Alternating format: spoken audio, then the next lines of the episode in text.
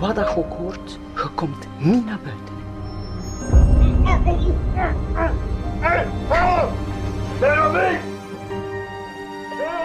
Hij zei dat hij het zou doen. Toen dacht ik, nu ben je mijn moeder niet meer. Nee, dat hadden we nog niet meegemaakt. Zoiets zie je enkel maar bijna in spionagefilms, bij wijze van spreken.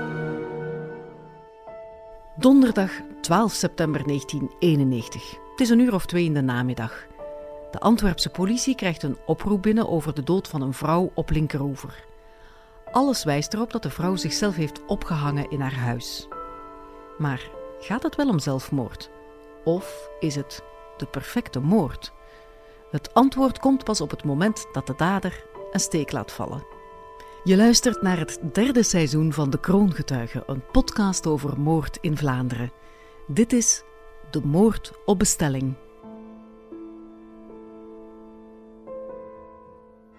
De politie van Linkeroever krijgt op 12 september 91 een oproep van een ongeruste maatschappelijk assistente. Ze heeft een afspraak bij een cliënt, maar staat voor een gesloten deur. De agenten hebben toen gezien, via een raam van de eerste verdieping, dat er een vrouw dus op de overloop lag. Ruggelings tegen de trapleuning. Er wordt meteen een dokter opgeroepen om de juiste doodsoorzaak vast te stellen. Er waren al paars-blauwe verkleuringen aan de vingers. Het ene been was gestrekt, het andere been uh, was geplooid. Het hoofd hing op de borst en rond de hals van de vrouw hing een strop. Dat was dus klaarblijkelijk de centuur van de badjas die de vrouw aan had. Het andere stuk hing aan de trapleuning. Door het gewicht was die strop gebroken en was de vrouw dus gevallen en, en, en weggezakt tot tegen de trap.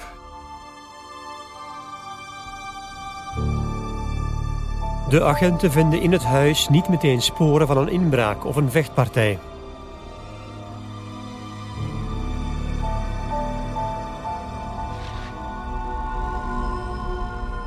Er was niks abnormaals vast te stellen. Alles was er netjes, proper, geen wanorde. Alle deuren en ramen waren gesloten. We zijn ook in de kelder geweest en ook dat raam was dicht. Dus er was helemaal niks verdacht dat op een misdrijf leek. Na de eerste vaststellingen leggen de agenten het lichaam van de vrouw op het bed voor verder onderzoek.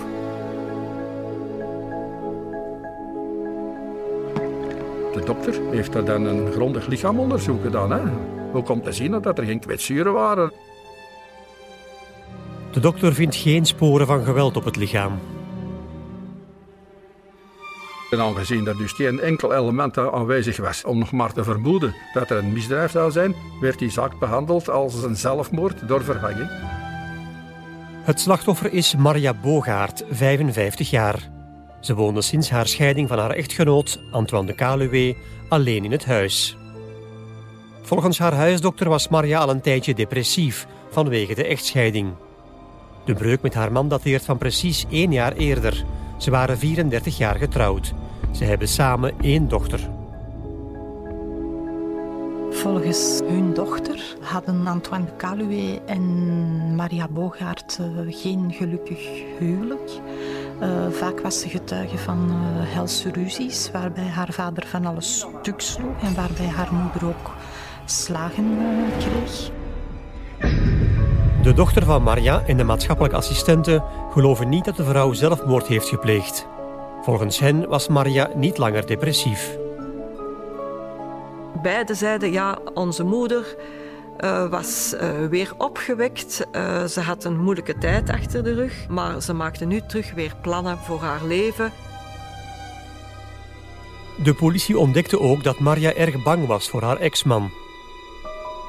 Heel wat getuigen verklaarden dat Maria Bogaert bang was voor Antoine de Caluwe en dat ze ook vermoedde dat hij haar woning nog uh, binnendrong nadat ze uit elkaar uh, waren gegaan. Wat heel erg opviel was dat de onmiddellijke dag na het overlijden Antoine de Caluwe al contact opnam met de notaris om te horen welke baten hij nu had bij het overlijden van zijn ex. Maar dat spoor loopt dood, want Antoine blijkt geen erfgenaam van Maria te zijn. Er zijn vele vraagtekens, maar de politie blijft erbij dat Maria zichzelf verhangen heeft. Er was dus echt niks dat zou kunnen wijzen op een, op een misdrijf. Ik heb dan de procureur des Konings in, in, kennis gesteld. Ik heb hem dan het relaas gegeven van de feiten, want wat, wat wij vastgesteld hadden. En de procureur heeft toen uh, gezegd dat het, het lichaam mocht vrijgegeven worden. Het lichaam van Maria wordt gecremeerd. Antoine de Kaluwe blijft weg op de begrafenis van zijn ex-vrouw. Ondanks alle verdachtmakingen laat de politie hem verder ongemoeid.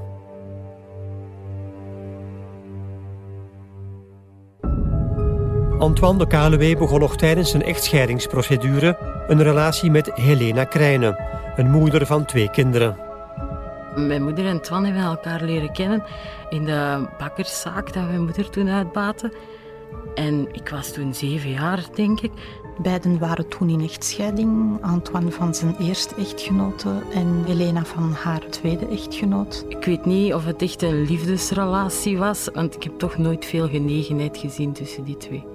Op 9 oktober 90, enkele maanden voor Antoine Ansalve op pensioen eh, werd gesteld, zijn ze gehuwd om te voorkomen dat Antoine de helft van zijn pensioen uh, moest overmaken aan zijn uh, eerste vrouw. Het huwelijk tussen Antoine en Helena gaat al snel de verkeerde kant op.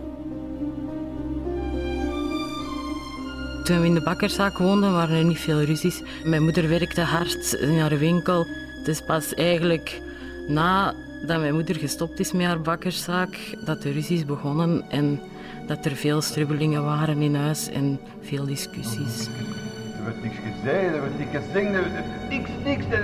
Als Twan en mijn moeder ruzie maakten, was vooral veel lawaai en veel geroep en veel getier. Ja, loop maar weg, dat is gemakkelijk. Ook de relatie met de twee dochters van Helena Krijnen verloopt erg moeilijk.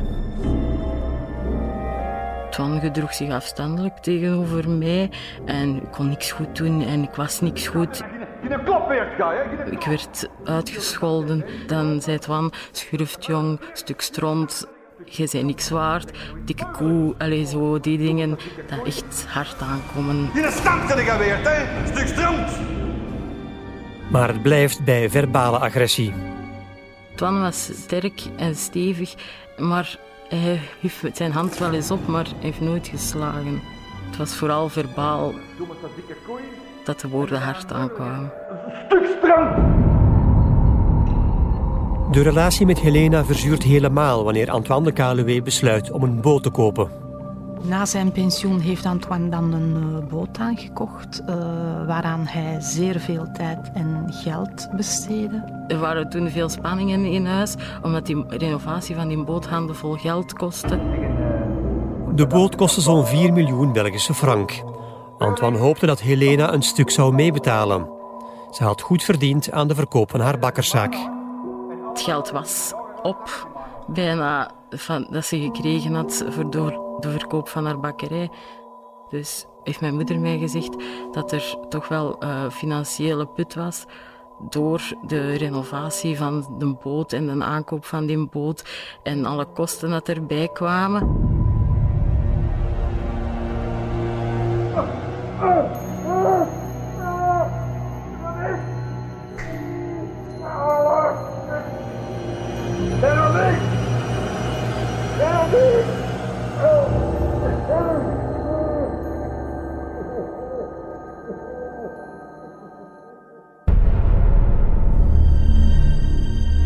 19 april 96, vijf jaar na de dood van zijn eerste vrouw, wordt Antoine de Kaluwe dood aangetroffen in zijn bed.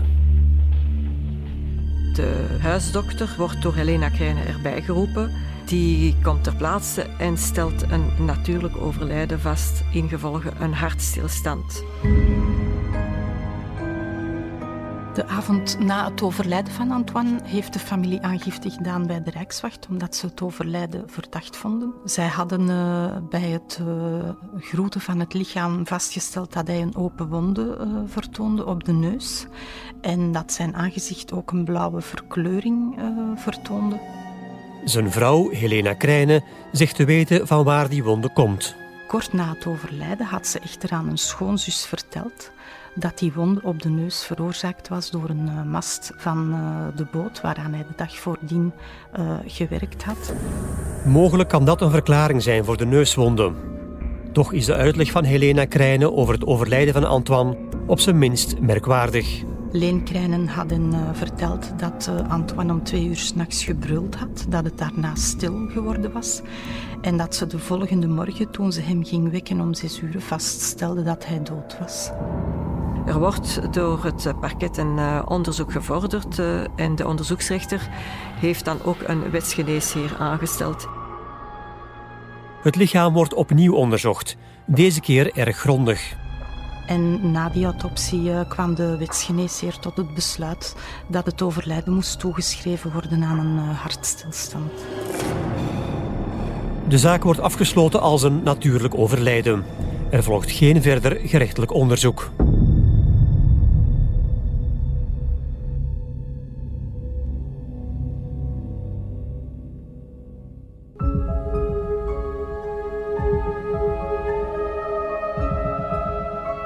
Dochter Veronique groeit na de dood van haar stiefvader op bij familie en in een opvangtehuis.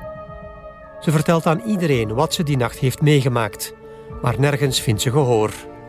Ze beweert dat ze Antoine de Kaluwe een paar keer haar naam heeft horen roepen.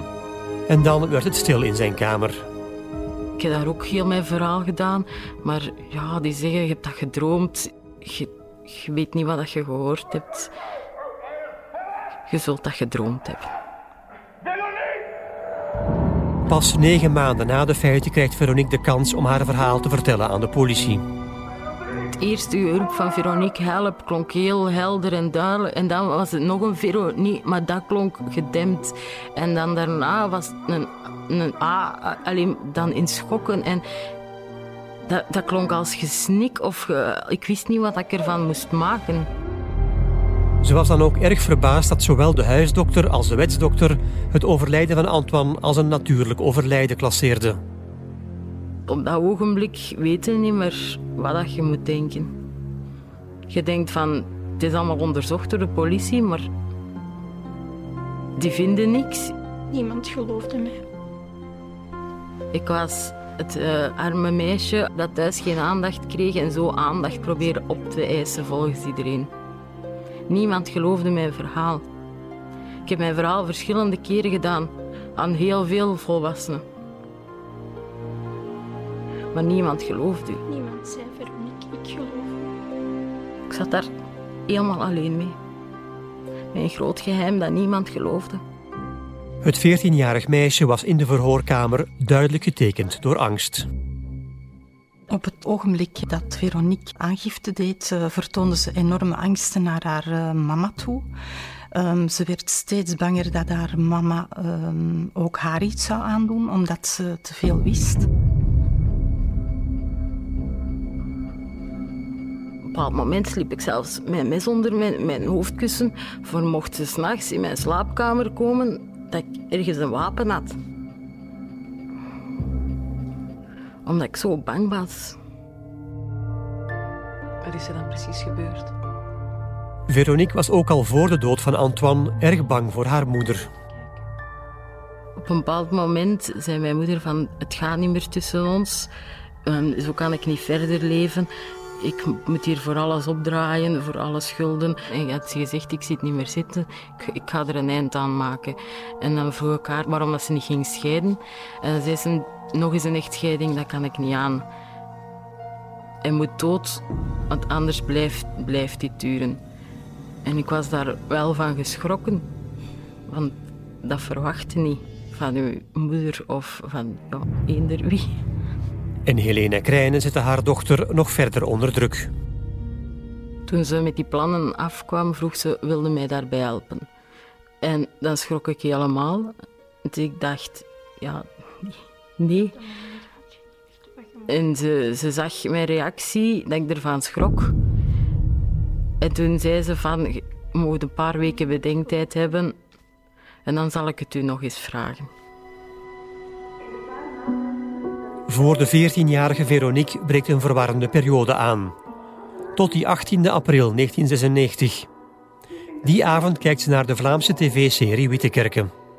Dan vroeg mijn moeder al een paar keer: wanneer ga je slapen, wanneer ga je slapen? Dat ik dan zei: maar ik mag dat altijd uitkijken, waarom nu niet?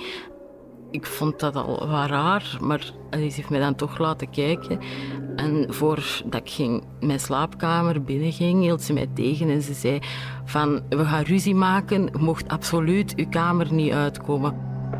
Wat dat ook hoort, je komt niet naar buiten. En ze zei dat nogal heel indringend, dat ik dacht van, oei, wat gaat wat gaat er gebeuren?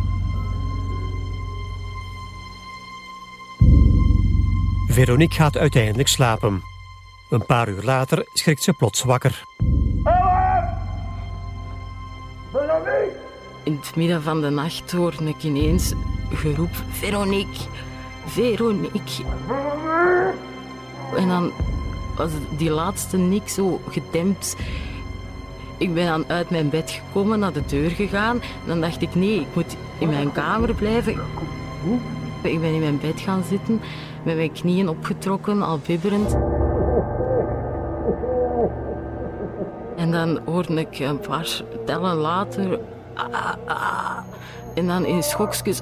Uh, tot dat gedaan was.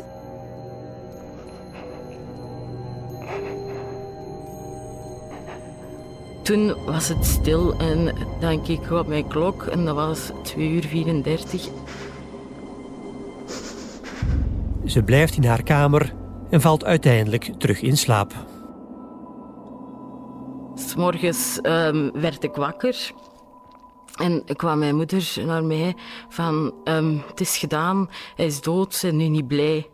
En, en schrok ik van oeh, wat, wat is er hier gebeurd van de nacht?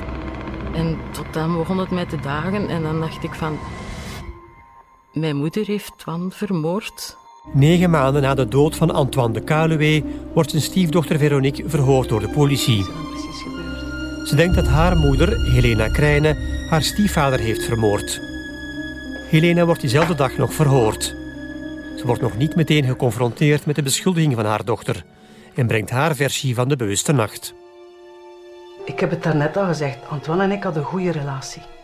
Als we wel eens ruzie maakten, dan ging dat over zijn boot. En kunt je iets meer vertellen over die boot? Hij had een boot gekocht en hij was die aan het renoveren. Daar kroop geld in. Veel geld. De avond voor zijn dood had Twan mij nog 500.000 frank gevraagd. Een maat van hem zou dat geld de volgende dag komen halen. Ik heb hem toegezegd dat dat zo niet verder kon. Dat ik die 500.000 frank niet had. Twan heeft daar dan een serieus probleem van gemaakt. Wie was die maat? Dat weet u niet. Is hij uiteindelijk dan ook gekomen? De volgende dag, ja. Tussen elf uur en half twaalf s'avonds. Die man is dan serieus kwaad geworden. Ze hebben ruzie gemaakt en daaruit is een vechtpartij ontstaan. Twan is dan op de grond gevallen. Die man heeft hem dan bij zijn keel gegrepen. Opeens liet hij hem los en hij is weggegaan zonder iets te zeggen. Twan is dan naar zijn slaapkamer gegaan, ook zonder iets te zeggen. En jij? Wat heb jij gedaan? Ik ben in de living aan de tafel blijven zitten. Was hij gewond, uw man? Ja, ja, hij had eh, een kwetsuur aan zijn neus. Ze was wel in het contact vlot, medewerken tussen aanhalingstekens. Maar ze vertelde zo ja, haar eigen verhaal. Waar dat ik soms de indruk had, is dat wel zo gebeurd? Ja, eigenlijk nonsens, ik zal het zo zeggen. Volgens uw dochter hebt jij in april 1996 tegen haar gezegd dat het zo niet verder kon met uw man. Dat kan zijn, ja. Zoals ik ooit ook eens heb gezegd dat ik het beu was dat hij zich niet waste. Tegen uw dochter hebt je een heel ander verhaal verteld. Weet je eigenlijk zelf nog wat de waarheid is? Oké. Ik zal u de waarheid vertellen. 10 april 1996 kwam een vriend van mijn man bij ons op bezoek. Ik heb hem toen gevraagd of hij bereid was om mijn man vakant te maken. Hij zei dat hij het zou doen. We hebben afgesproken voor 18 april 1996. Wie was die vriend? Michel Wens. Michel Wens is een weduwnaar van 50 en vader van twee kinderen. Hij werkt als kraanman voor de stad Antwerpen en was een collega van Antoine de Caluwe. Naast een werkrelatie was er ook een vriendschapsrelatie. Uh, Michel Wens noemde Twan de Caluwe zijn beste vriend. Wens hielp Antoine af en toe met het onderhoud van zijn nieuwe boot. Nu wordt hij genoemd als zijn moordenaar. Een week later, op 18 april 96, hadden ze afgesproken rond de middag in een uh, café in Capelle, uh, waar ze de moordplannen verder uh, hebben uitgewerkt. We hadden in het café aan de statie afgesproken dat we die nacht de plannen ten uitvoer zouden brengen. We hadden ook afgesproken dat hij een kussen zou gebruiken om het wand te verstikken. Michel zou binnenkomen op het moment dat mijn man sliep. In de nacht van 18 op 19 april 96 gaat Michel Wens via de trap naar de zevende verdieping van het appartementsgebouw. Hij heeft een sleutel gekregen van Helena Krijnen. Zij wacht hem op in de zetel in de woonkamer. Haar dochter Veronique slaapt in de kamer naast die van Antoine. Ik heb het allemaal zelf niet gezien. Ik ben in de living gebleven.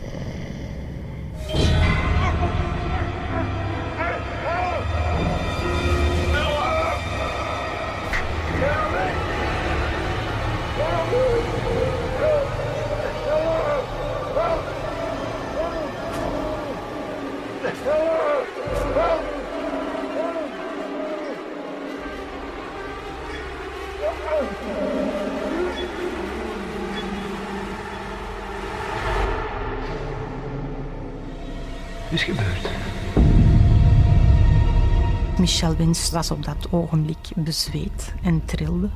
Hij heeft in de living toen nog een borrel gedronken. Is dan heel stil terug naar beneden gegaan en de huissleutels die hij nodig had om het pand terug te verlaten, heeft hij achtergelaten in de brievenbus.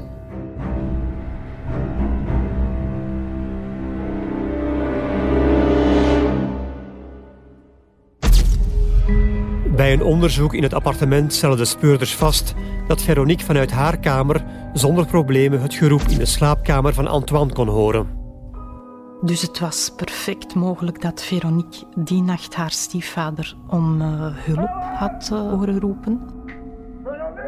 Wat ook werd vastgesteld, was dat een gesprek dat gevoerd werd in de living van het appartement, dat dat niet waarneembaar was in de slaapkamer van Veronique. Dat was ook in overeenstemming met de verklaring van uh, Veronique, die niks gehoord had van een gesprek uh, in de living tussen haar mama en Michel Wens.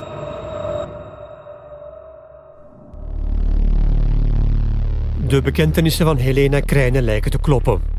Michel Wens wordt opgepakt en meteen verhoord. Je weet dat je hier zit voor de moord op Antoine de Caluwe? Ik heb daar niks mee te maken. Helena Krijnen beweert nogthans dat zij u daarvoor de opdracht heeft gegeven. Dat is zever. Om de moord te bespreken had ze op 18 april 1996 met u afgesproken in een café in Capelle. Ik ben nog nooit geweest. Ze heeft u ook de sleutel van haar appartement gegeven, zodat jij daar makkelijker binnen kon. Lustert. Ik ben tien jaar lang slotenmaker geweest. Ook zonder de sleutels en ik op een paar seconden even als binnen. Hè? En daarbij, ik kan er zelfs niet geweest zijn. En waarom niet? Omdat mijn vrouw tot tien uur moest werken de nachtdienste. S'avonds. Ik ben er op het werk gaan ophalen, dus. Maar dat bleek dus zogenaamd niet te kloppen, want zijn echtgenote werd steeds door een collega naar huis gebracht wanneer dat ze laat moest werken. Het alibi van Michel Wens klopt dus niet. En ook andere elementen wijzen in zijn richting. Bij zijn arrestatie werd Michel Wens gefouilleerd en in zijn portefeuille werd een kleine getekende schets aangetroffen. Uh, met een plattegrond die heel veel overeenstemming vertoonde met de schets die Veronique getekend had van het appartement waar haar stiefvader overleden was. Heb jij dit getekend?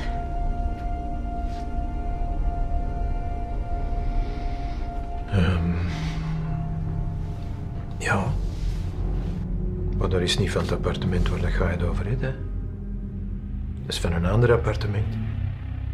Moest door waar komen uitvoeren. Er werd in die woning nazicht gedaan en als de plaatsindeling van die woning vergeleken werd met de schets die Michel Wens op zak had, bleek daar totaal geen overeenstemming te zijn. De verdachte wordt op nog meer leugens betrapt. Michel Wens ontkende aanwezig te zijn geweest op 18 april 96 in die café in uh, Capelle, waar ze de moordplannen verder uh, hadden uh, uitgewerkt. Maar de persoon die hen toen in dat café bediend heeft, herkende formeel Michel Wens en Helena Krijnen. Hij zei dat hij die dag aan het werken was, maar bij navraag uh, via zijn uh, werkgever kon aangetoond worden dat Michel Wens op 18 april een volledige dag en op 19 april een halve dag verlof had genomen. Wat de grond is van haar appartement. Ook na een confrontatie met Helena Krijnen blijft Michel Wens alles ontkennen.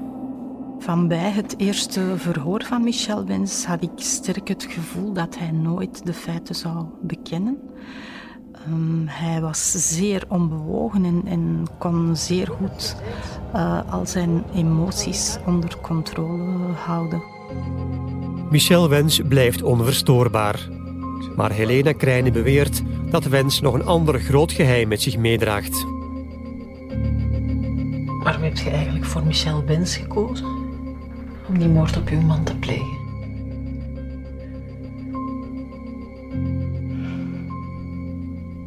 Ik was te weten gekomen dat mijn man vijf jaar daarvoor zijn eerste vrouw had laten vermoorden. Je bedoelt Maria Bogaert? Ja. Michel Wens heeft dat toen voor Twan gedaan. Dus ik wist dat hij daartoe in staat was. De verklaring van Helena Krijnen werpt een heel ander licht op de dood van Maria Bogaert. Vijf jaar geleden werd haar dood nog geclasseerd als een zelfmoord. Wens wordt meteen geconfronteerd met de nieuwe verklaringen. Hij wordt nu verdacht van twee moorden. Kom ze maar dan nog allemaal in mijn schone schoven, zeg! Helena Krijnen, die zegt... Volgens mij, hè? Het aan madameke veel te veel fantasie. Als jij daar helemaal niks mee te maken hebt. Waarom zegt zij dan van wel? Dat weet ik niet, hè. Wraak zeker. Wraak. En wraak waarvoor? Ik weet dat niet. Op basis van de getuigenis van Helena Krijnen wordt het onderzoek naar de dood van Maria Bogaert na vijf jaar heropend wanneer we de zaak Maria Bogaert onder de loep namen, uh, zaten we al onmiddellijk met het probleem geen lichaam. Daar begon het al mee. Dus materiële vaststellingen, eventueel een opgraving, ja, dat was geen mogelijkheid, want er had een crematie plaatsgevonden. Dus op dat ogenblik hadden we de eerste vaststellingen van de politiemensen die te plaatsen waren geweest. En daar zat iets enorm belangrijk in, dat onmiddellijk een eye-catcher weer voor ons, namelijk het feit het ontbreken van fecaliën of de geen uitwerpselen. Volgens de wetsdokter is dit heel uitzonderlijk bij een verhanging. Maar Helena beweert dat Wens na de moord de uitwerpselen had opgekuist. Die nacht kwam hij bij ons thuis en hij wilde meteen een bureau. Waarom? Hij zei dat hij de afgang van Maria had moeten opkuisen. Hij vond dat verschrikkelijk vies. Toch is er misschien nog één bewijsstuk voorhanden. De riem van de badjas die rond haar nek hing. Bij onderzoek van de knoop blijkt het te gaan om een mastworp, een niet-alledaagse knoop. Vanuit zijn werkzaamheden als uh, riegerkraanman uh, bij de stad Antwerpen was Michel Wens wel vertrouwd met knopen over zijn boot. De onderzoekers achten de kans groot dat Helena de waarheid spreekt en dat Michel Wens, ondanks zijn hardnekkige ontkenning, wel degelijk betrokken is bij twee moorden. In deze zaak kwam ik eigenlijk van de ene verwondering in de andere. Michel Wens zou de twee moorden hebben gepleegd op bestelling, maar hij ontkent alles. Ik heb daar niks mee te maken. Uit het moraliteitsonderzoek van Helena Krijnen blijkt dat ze al op jonge leeftijd een buitenbeentje was. Ze werd omschreven als een uh, qua jongen die heel moeilijk uh, vriendschap en uh, liefde kon tonen. Heel wat van haar zussen en broers zeiden ook dat ze niet echt open stond voor goede raad en, en, dat ze vaak haar eigen weg ging. De relatie met haar moeder verliep problematisch. Wat dat gezin betreft is het wel kenmerkend voor haar dat ze zeer negatief praat over haar moeder en zeer positief praat over haar vader, maar in nogal extreme vormen. En wat mij opviel in het verhaal is dat de andere kinderen het omgekeerde zeggen praktisch. Helena Krijne ervaart de dingen binnen het gezin heel anders dan haar broers en zussen. Ze voelt zich het zwart schaap binnen het gezin, diegene die niet graag gezien wordt. En dit op een extreme wijze, in die zin dat later, als haar moeder gaat sterven, dat ze zeer blij is dat ze gestorven is. En dat zal een rol spelen later als zij zelf een moeder gaat worden. Zij weet niet wat een moeder is of ze heeft daar zuiver een negatief beeld van. Op het moment dat ze Antoine de Kaluwe leert kennen, heeft ze al twee huwelijken achter de rug. Hun relatie gaat snel bergaf wanneer Antoine een boot koopt. Hij heeft veel aandacht voor die boot, veel te veel aandacht volgens haar. En dat kost heel veel ook. Hij investeert daar enorme sommen in. Ze maken veel ruzie over de boot. Dan verneemt Helena Krijnen van haar man dat hij zijn eerste vrouw, Maria Bogaert, heeft laten vermoorden. Ze is verschoten en ze heeft die ene keer een hand totaal andere kant van haar man ontdekt. En dan ziet je die typische evolutie van mensen die dan evolueren naar dodingen. Hè? En op den duur, die man betekent niks meer voor haar. Hij is een slechte geworden. Ze wil vluchten van alles en haar man moet dood. Ze geeft opdracht aan Michel Wens. Maar die ontkent in alle talen als het over details ging die niets met de moord te maken hadden, dan wouden wij wel antwoorden. Maar van het moment dat je dieper op iets inging, het was allemaal niet waar. Uit het moraliteitsonderzoek blijkt dat Michel Wens voor zijn omgeving een aangename man is, die graag wordt gezien. Dan wordt zijn zoon Chris Wens opgeroepen voor een verhoor. Op dat moment voelen de speurders dat er in het gezin Wens iets niet klopt. Bij ons grootvader nu, wat het opviel tijdens heel het onderzoek was wel een soort angstpsychose die er in die familie heerste. Waarbij het duidelijk bleek dat bepaalde zaken werden verzwegen, dat er een groot familiegeheim was.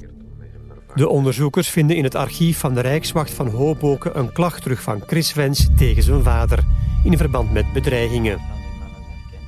Chris en zijn zus hadden geld geërfd van hun grootvader, de schoonvader van Michel Wens.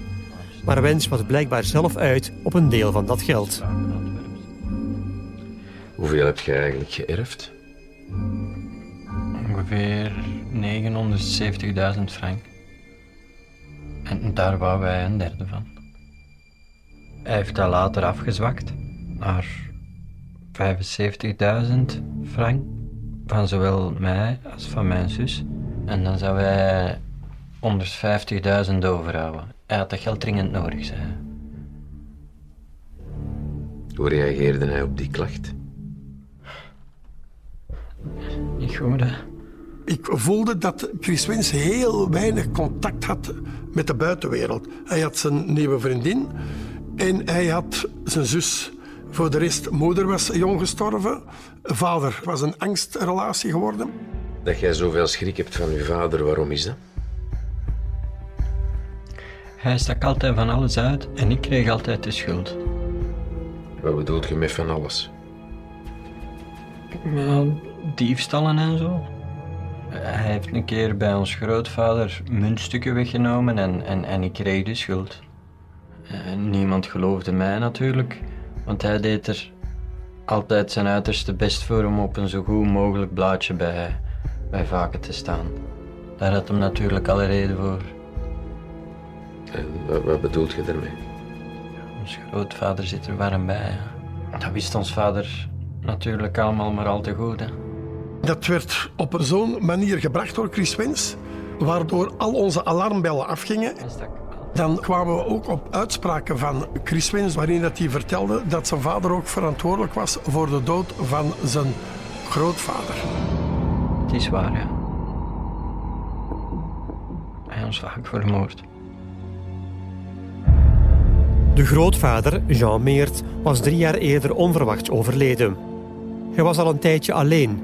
Zijn buurvrouw trof hem dood aan in zijn slaapkamer. De dokter heeft vaststellingen gedaan en hij is overleden ten gevolge van een hartstilstand. Dat was de diagnose. De familie van Jean Meert was niet verbaasd over deze doodsoorzaak. Ja, had een relatief zwakke gezondheid. Hij was suikerziek.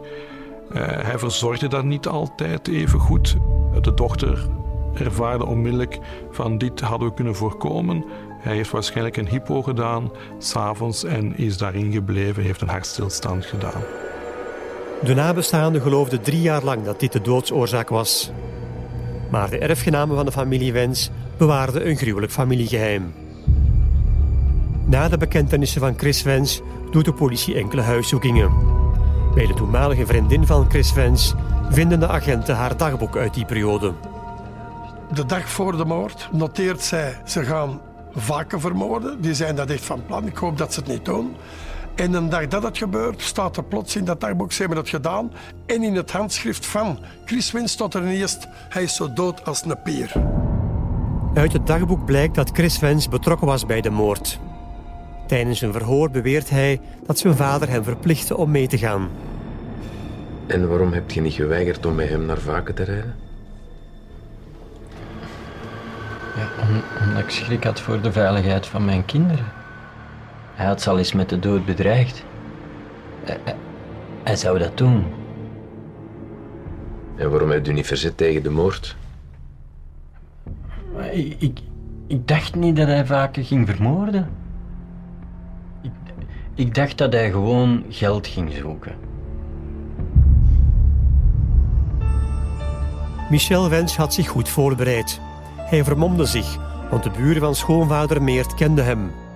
Zijn zoon Chris zette hem af in de buurt van het huis. Een man die chloroform aanschaft, handschoenen aandoen, een hoedje kopen, een masker van een oud mannetje en een wandelstok om zich voor te doen als een zeer oude man. Dat was voor ons echt nieuw. Dat hadden we nog niet meegemaakt. Zoiets zie je enkel maar bijna in spionagefilms, bij wijze van spreken. En Chris Wins moest dan in een andere straat, helemaal aan de achterkant van de woning, plaatsnemen, de woning in de gaten houden. En als vader zijn klusje had geklaard, zou hij het licht tweemaal uitdoen.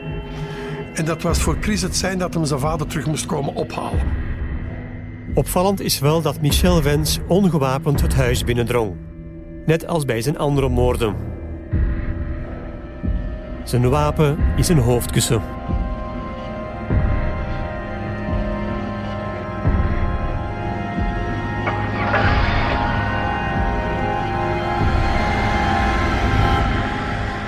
Na de bekentenis van Chris Wens wordt zijn vader hiermee geconfronteerd. Ik heb met heel die affaire niks te maken. Uw zoon Chris heeft nogthans... Mijn zoon Chris? Dat is een fantast. En hoe legt je dan uit dat de ex van Chris al over de moord van uw schoonvader heeft geschreven in haar dagboek? Eén dag voor de feiten. Dat weet ik niet. Ik heb er geen verklaring voor, ik weet dat niet. Michel Wens wordt nu officieel in verdenking gesteld voor drie moorden. Het motief was telkens geldgewin. De familie van Jean Meert wordt drie jaar na de feiten op de hoogte gebracht van de moord. Ze reageren vol ongeloof. Dit hadden ze nooit van Michel Wens kunnen denken. Michel Wens was gekend als die brave man, maar achter die brave man schuilt wel degelijk iemand die er niet voor terugdeinsde om op vraag of omwille van geldgewin mensen uh, om te brengen. En dat heeft hen heel uh, diep geraakt. Iedereen is waarschijnlijk verschoten dat hij dat gedaan heeft. Hè? Aangezien dat uh, niets liet zoiets vermoeden. Ook als je hem ziet, die komt zo normaal over als het maar kan. Hè? Dus je hebt te maken met iemand met wie dat je gerustig kunt praten. Toch is Michel Wens een seriemoordenaar. Een wolf in schapenvacht. Dat wil zeggen dat je te maken hebt met iemand die in zijn hersenen een programma heeft voor doding. Dat op sommige momenten getriggerd wordt. En de trigger bij hem is financiën. De drie moorden mogen al verspreid liggen in de tijd, toch vertonen ze opvallende gelijkenissen. Hij heeft al de slachtoffers verrast. Hij verraste Maria Bogaerts. Uh, hij is binnengeslopen in haar woning. Hij was een hele goede slotenmaker, dus hij kon zorgeloos een woning binnendringen. Ook bij Vaken had hij de sleutel op zak, maar hij heeft hem ook verrast in zijn slaap. En hetzelfde is gebeurd bij Antoine de Caluwe, waarin hij hem ook midden in de nacht in zijn slaap verrast heeft en verhoord heeft. Wens is er drie keer ingeslaagd om de perfecte moord te plegen. Zonder de getuigenis van Veronique Krijnen bleef de moord geclasseerd als één keer een zelfmoord en twee keer een natuurlijk overlijden. Zijn opdrachtgeefster Helena Krijnen en zijn zoon Chris hebben hem aan de galg gepraat. En ik heb mij dikwijls de vraag gesteld: was er de moedige getuigenis van Veronique niet geweest? Was er misschien nog een vierde moord uh, gevolgd? Want als we de feiten overlopen, dan komt het er eigenlijk op neer dat Michel Wens bijna om de twee jaar een moord heeft gepleegd. Michel Wens blijft alle feiten ontkennen. Het is nu aan de openbare aanklager om de schuld te bewijzen. Naarmate het onderzoek vorderde, werd het voor mij steeds duidelijker. Alle puzzelstukken waren in elkaar gebracht. En voor mij was de schuld van Michel Wens en ook de twee andere beklaagden heel duidelijk. Maar daar moet de assisejury nog van overtuigd worden. Michel Vens, zijn zoon Chris en opdrachtgeefster Helena Krijnen verschijnen in 1999 voor het Hof van Assise van Antwerpen. Het wordt een moeizaam proces. Michel Wens die zweeg in alle talen, die zweeg gelijk graf. Elena Krijnen vertelde de feiten zoals ze gepleegd waren, maar fantaseerde daar rond. En hetzelfde was eigenlijk ook bij Chris Wens, die ook de waarheid vertelde, zoals ze gebeurd waren, maar daaromtrent ook fantaseerde. Men noemde hem overal de brave bompa. En zo gedroeg hij zich ook. Maar voor mij was het absoluut niet de brave bompa. Ik keek, ik keek erdoor en ik zag daar een monster zitten, bij wijze van spreken. Veroordeeld. Wens Michel vernoemd over de vermengde feiten tot levenslange opsluiting. Michel Wens wordt veroordeeld tot levenslang voor drie moorden met voorbedachte raden.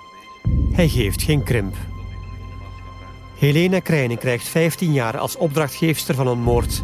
En Chris Wens krijgt 5 jaar met uitstel voor medeplichtigheid.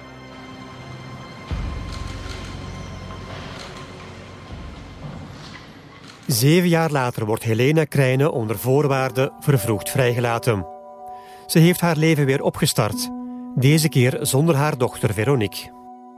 Voor mij hoeft contact niet meer. Als, je, als ik met haar praat, is het ook alleen maar dat het om haar draait. Ze weet de naam van mijn man niet, ze weet de naam van mijn kinderen niet. Het interesseert haar ook niet. Want zij heeft de grote problemen. En zij is toch wel onrecht aangedaan in haar ogen. En dat kan ik niet meer opbrengen. Dat kan ik niet vatten. Dan hoeft het voor mij niet. Veronique heeft de traumatische ervaring een plaats kunnen geven in haar leven. Ik was een gehavend trupsje en ben dan uitgegroeid tot een schone vlinder. En ook al zijn er littekens op mijn vleugels, toch kan ik vliegen en gelukkig zijn dus. Michel Wens pleegde drie moorden in een periode van vijf jaar. Mocht hij niet opgepakt zijn, dan was de kans groot dat hij nog meer feiten had gepleegd, zeggen deskundigen. Wens was een psychopaat zonder waarden of normen. Hij kreeg levenslang, maar zat uiteindelijk slechts elf jaar in de cel, want hij overleed daar twaalf jaar geleden. Dit was De Moord op Bestelling uit het derde seizoen van De Kroongetuigen, een podcast gebaseerd op de gelijknamige televisiereeks. Beluister ook onze andere waargebeurde misdaadverhalen op hln.be, in de HLN-app of via de andere podcastkanalen.